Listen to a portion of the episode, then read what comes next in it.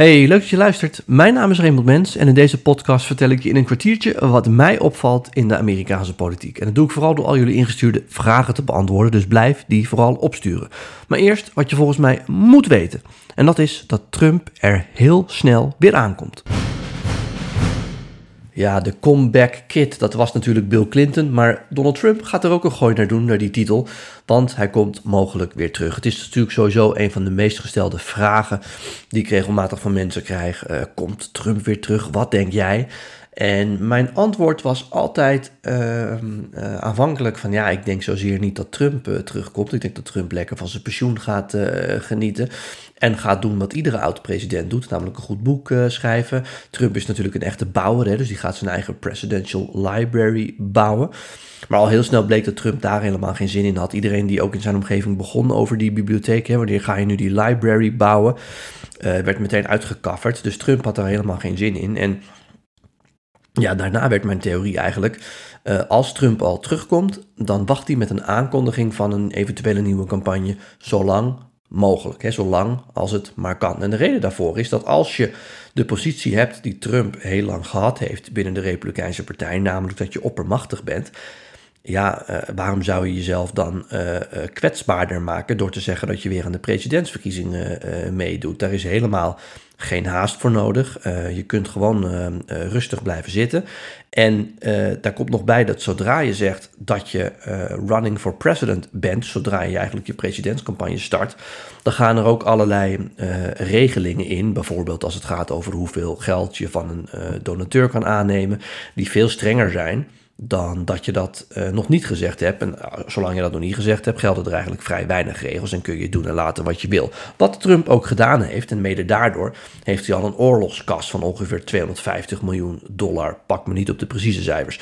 Dus ik heb altijd gezegd, als Trump al terugkomt, moeten we daar nog heel lang uh, op wachten.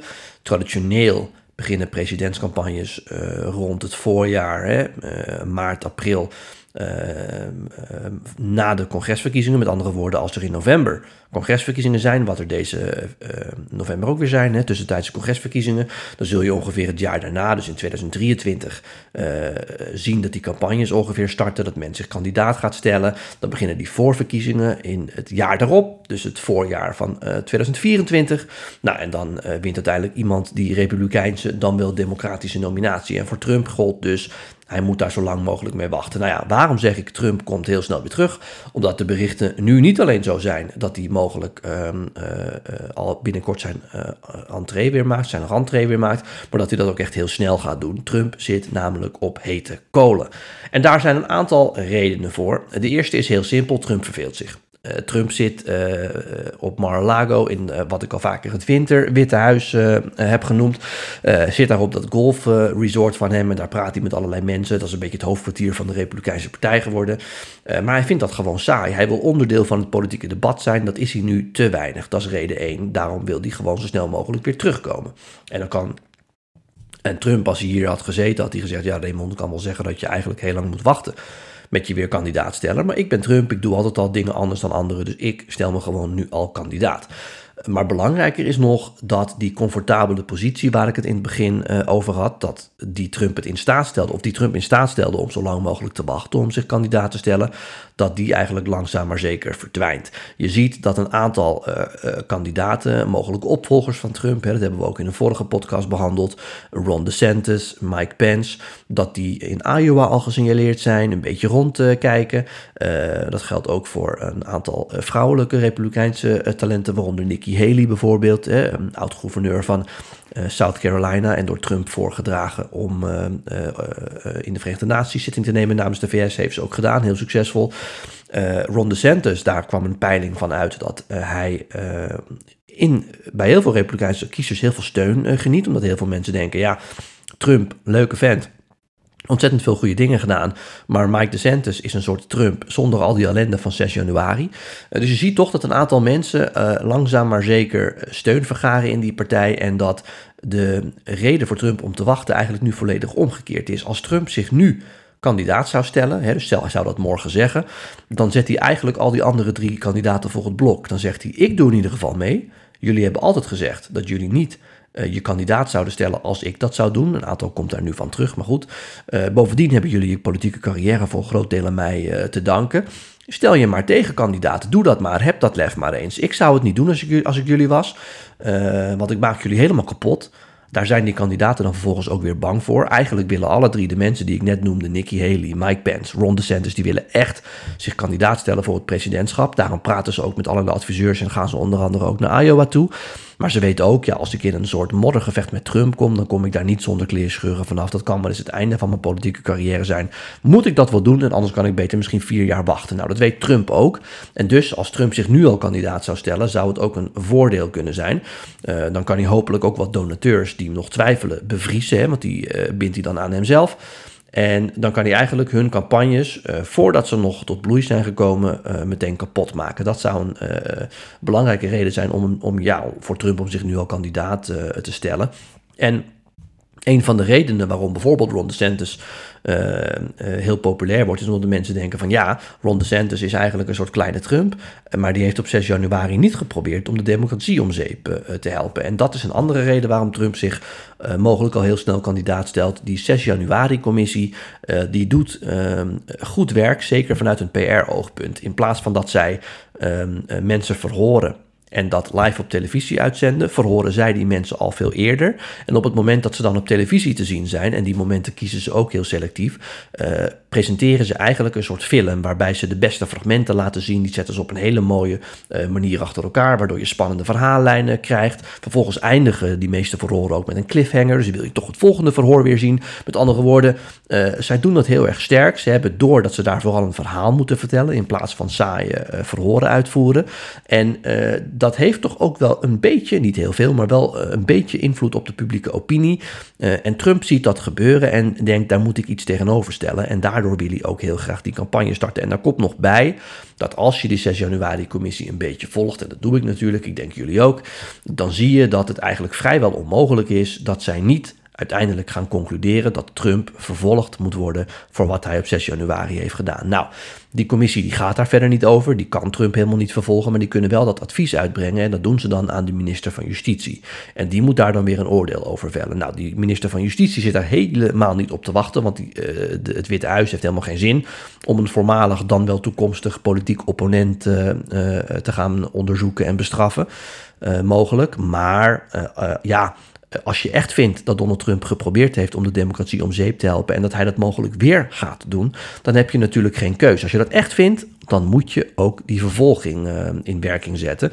Nou, en Trump ziet dat ook wel gebeuren en denkt: als ik me nu kandidaat stel, dan kan ik het in ieder geval zo verkopen dat ze dat alleen maar doen omdat ze bang voor mij zijn en omdat ik uh, een politieke campagne gestart ben. Dus Trump denkt: oh, als hij die campagne start, dan is hij eigenlijk ongrijpbaar en daar kan hij wel eens gelijk in hebben. Nou, Rest vervolgens de vraag wanneer gaat Trump zich dan kandidaat uh, stellen. Dat weet ik ook niet. Ik zeg altijd ik heb geen glazen bol. Maar als je een beetje tussen de regels doorleest, uh, is er eigenlijk in Mar-a-Lago continu een discussie tussen Trump en zijn adviseurs. Waarbij Trump zegt doe nou maar, doe het persbericht nou maar uit. En waarbij zijn adviseurs zeggen nee meneer de president wacht even. Want die tussentijdse verkiezingen die er aankomen, ja, daar kunt u beter even op wachten. Want als u zich nu kandidaat stelt, dan gaan die tussentijdse verkiezingen alleen maar om u. En mogelijk profiteren de Democraten daar weer van. Nou, het argument van Trump is, een ander, uh, is, is anders. Trump zegt. Of Trump denkt eigenlijk, ja, moet je luisteren. Uh, de peilingen wijzen nu uit dat de Republikeinen flink gaan winnen. Als ik me nu al kandidaat stel, dan kan ik daar ook het succes van claimen. En doe ik dat achteraf, uh, dan claimen misschien andere mensen het succes. Dus, dus Trump zit heel erg te pushen op die bekendmaking. Zou zelfs ook tegen zijn medewerkers hebben gezegd: als jullie het niet binnenkort uh, uitsturen, dat persbericht, dan zet ik het gewoon zelf op mijn eigen sociale medium. Dus uh, de laatste berichten zijn dat ergens in augustus zou het zelfs al kunnen gebeuren, maar meest waarschijnlijk is in september. En dan zou hij ontzettend vroeg met die campagne starten, maar ja, dan is hij wel weer wat hij wil. Actueel Mogelijk bevriest hij de kansen van zijn tegenstanders en hij is die uh, commissie in het congres een stap voor. Uh, want voordat er eventueel tot een vervolging overgegaan wordt, is hij alweer in de race om het presidentschap en kan hij zeggen: Kijk eens, ze proberen me gewoon, hè, ze, de elite, proberen me gewoon dwars te zitten. En daarom, heel snel, komt Donald Trump gewoon weer terug in de politieke arena. Goed, tot zover. Dan nog de vragen die jullie hebben ingestuurd via Instagram en LinkedIn en Twitter onder andere. Ehm, ik kreeg een aantal vragen over hetzelfde onderwerp, dus ik behandel ze even bij elkaar. Ehm, allereerst even een update, want ik kreeg veel vragen over een post die ik deze week deed over mijn bezoek aan boer Erwin in Bodegraven. En mensen vroegen van hoe was dat? Was dat leuk, interessant? Ben je van gedachten veranderd?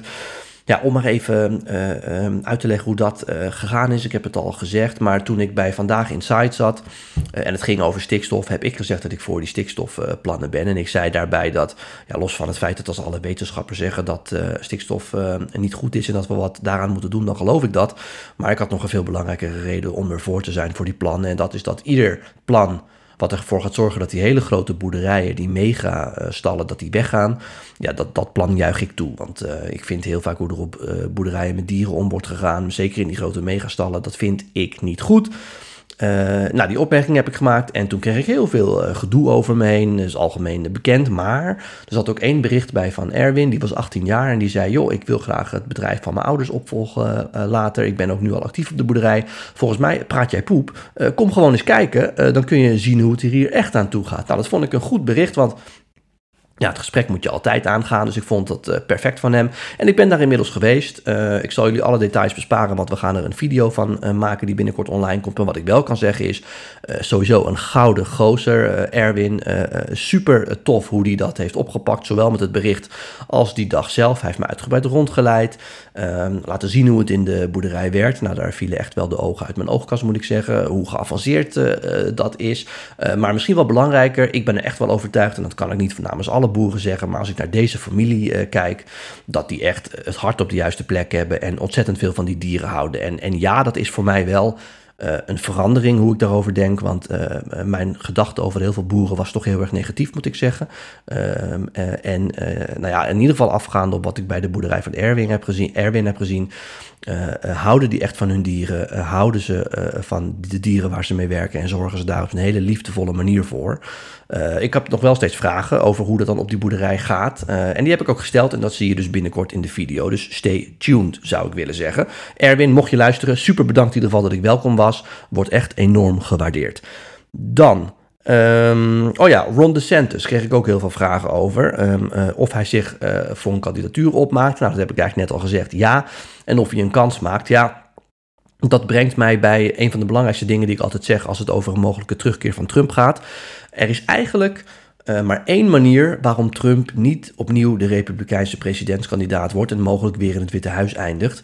En dat is dat als een andere Republikein, zoals Ron DeSantis, dat is toch degene met de beste papieren, Um, um, uh, als die zich niet kandidaat stelt. Als een andere kandidaat als Ron DeSantis of Nikki Haley zich kandidaat stelt en Trump in de voorverkiezingen verslaat, um, uh, dan kan Trump mogelijk gestopt worden. Gebeurt dat niet, ja, dan ligt de weg vrij voor Trump om die nominatie te claimen en om mogelijk ook weer in het Witte Huis te eindigen. Want bij de Democraten zie ik eerlijk gezegd heel weinig talent uh, rondlopen. Ik, en ik wil daar maar mee zeggen dat um, uh, de politieke carrière van Trump eigenlijk volledig afhangt van de Republikeinse Partij. In die partij moet besloten worden dat Trump, hoewel hij heel veel voor de partij gedaan heeft en het hele platform wat hij gemaakt heeft, hè, America First, we zetten Amerika weer op één, dat is nu zeg maar de hoofdmoot in die partij, dus de belangrijkste ja, de belangrijkste visie eigenlijk in die partij. Uh, ja, die partij moet beslissen, daar bedanken we hem voor. Maar we kiezen nu een soort jonge Trump die het Trumpisme voort gaat zetten. Hè. En ik heb in een eerdere podcast al gezegd of dat nou Mike Pence of Ron DeSantis of Nikki Haley wordt. Met dat Trumpisme gaan zij wel door. Dus die Republikeinen moeten beslissen, we gaan door met een andere kandidaat uh, die wel het Trumpisme aanhangt, maar geen Trump heet. Uh, dat is de enige manier waarop Trump gestopt kan worden. Uh, en dat gaat niet gebeuren door nou ja, de vele talenten, talenten, denk ik, die er bij de Democraten rondlopen. Ik zie ze gewoon niet. en dat gaat ook niet gebeuren door de 6 januari-commissie, denk ik. Uiteindelijk zijn het echt zijn partijgenoten die hem moeten verslaan. Goed, dan nog een punt waar ik veel vragen over kreeg, over het homohuwelijk. Ik heb eerder gezegd, ik denk niet dat ze dat af gaan schaffen in Amerika. Nou, nu heeft het congres net gestemd uh, het Huis van Afgevaardigden dan, zeg maar de Tweede Kamer van Amerika, over een wet die het homohuwelijk uh, uh, vastlegt, zeg maar, in de wet. Dus waardoor het Hoge Rechtshof dat ook niet meer terug zou kunnen draaien. De Senaat moet daar nog over stemmen. En ja, terecht krijg ik nu heel veel vragen van ja, het is maar de vraag of de Republikeinen dat steunen in de Senaat. en met andere woorden, het is dus maar de vraag ook of het homohuwelijk overeind blijft. Want misschien gaat het Hoge Rechtshof toch wel besluiten om het homohuwelijk terug te draaien. Nou, ik denk nog steeds niet dat dat gaat gebeuren. Ik denk gewoon dat het homohuwelijk een echt ander onderwerp is dan abortus. Uh, maar ik heb ook in een eerdere podcast gezegd, uh, Clarence Thomas, een van de meest conservatieve rechters op het Hoge Rechtshof, uh, had eigenlijk nog um, ja, wel gelijk toen hij zei dat ja, als we abortus afschaffen, want daar staat niets over in de originele grondwet, dus dat moeten de staten zelf maar bepalen, ja, dan kan hetzelfde ook voor het homohuwelijk gelden. Dus het zou in een logische lijn liggen als het Hoge Rechtshof zegt dat homohuwelijk moet terug naar de Staten. Uh, maar ik vraag me echt af of dat gaat gebeuren. Maar goed, we zullen het zien uh, de komende weken en maanden. Goed, tot zover mijn update weer van deze week. Dank weer voor jullie vragen. Blijf die vooral opsturen. Kan zoals gezegd via Instagram, Facebook, Twitter en LinkedIn. En dan zie ik jullie graag weer volgende week in een nieuwe podcast.